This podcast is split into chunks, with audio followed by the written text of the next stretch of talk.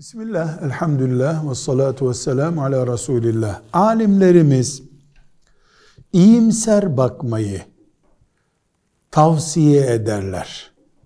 Bunun sünnete uygun bakış tarzı olduğunu söylerler. Buna da sünnette ya da fıkıh kitaplarında, ahlak kitaplarında feel deniyor.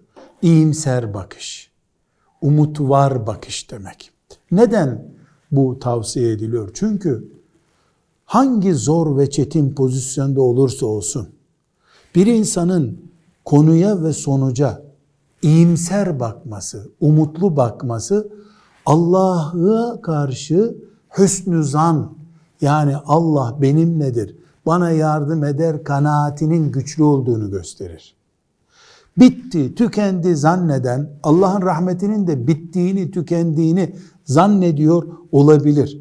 Bu da mümine bir iç mutluluk getirir.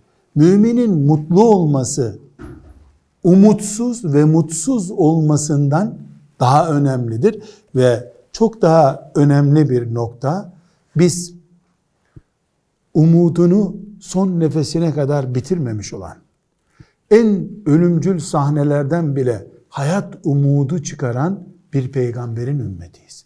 Sallallahu aleyhi ve sellem. Dolayısıyla umut varlığımız, iyimser bakışımız daha peygamber aleyhisselama yakın bir bakış türüdür.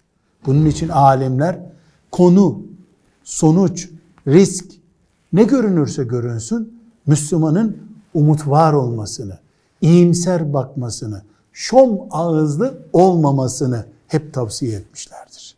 Velhamdülillahi Rabbil Alemin.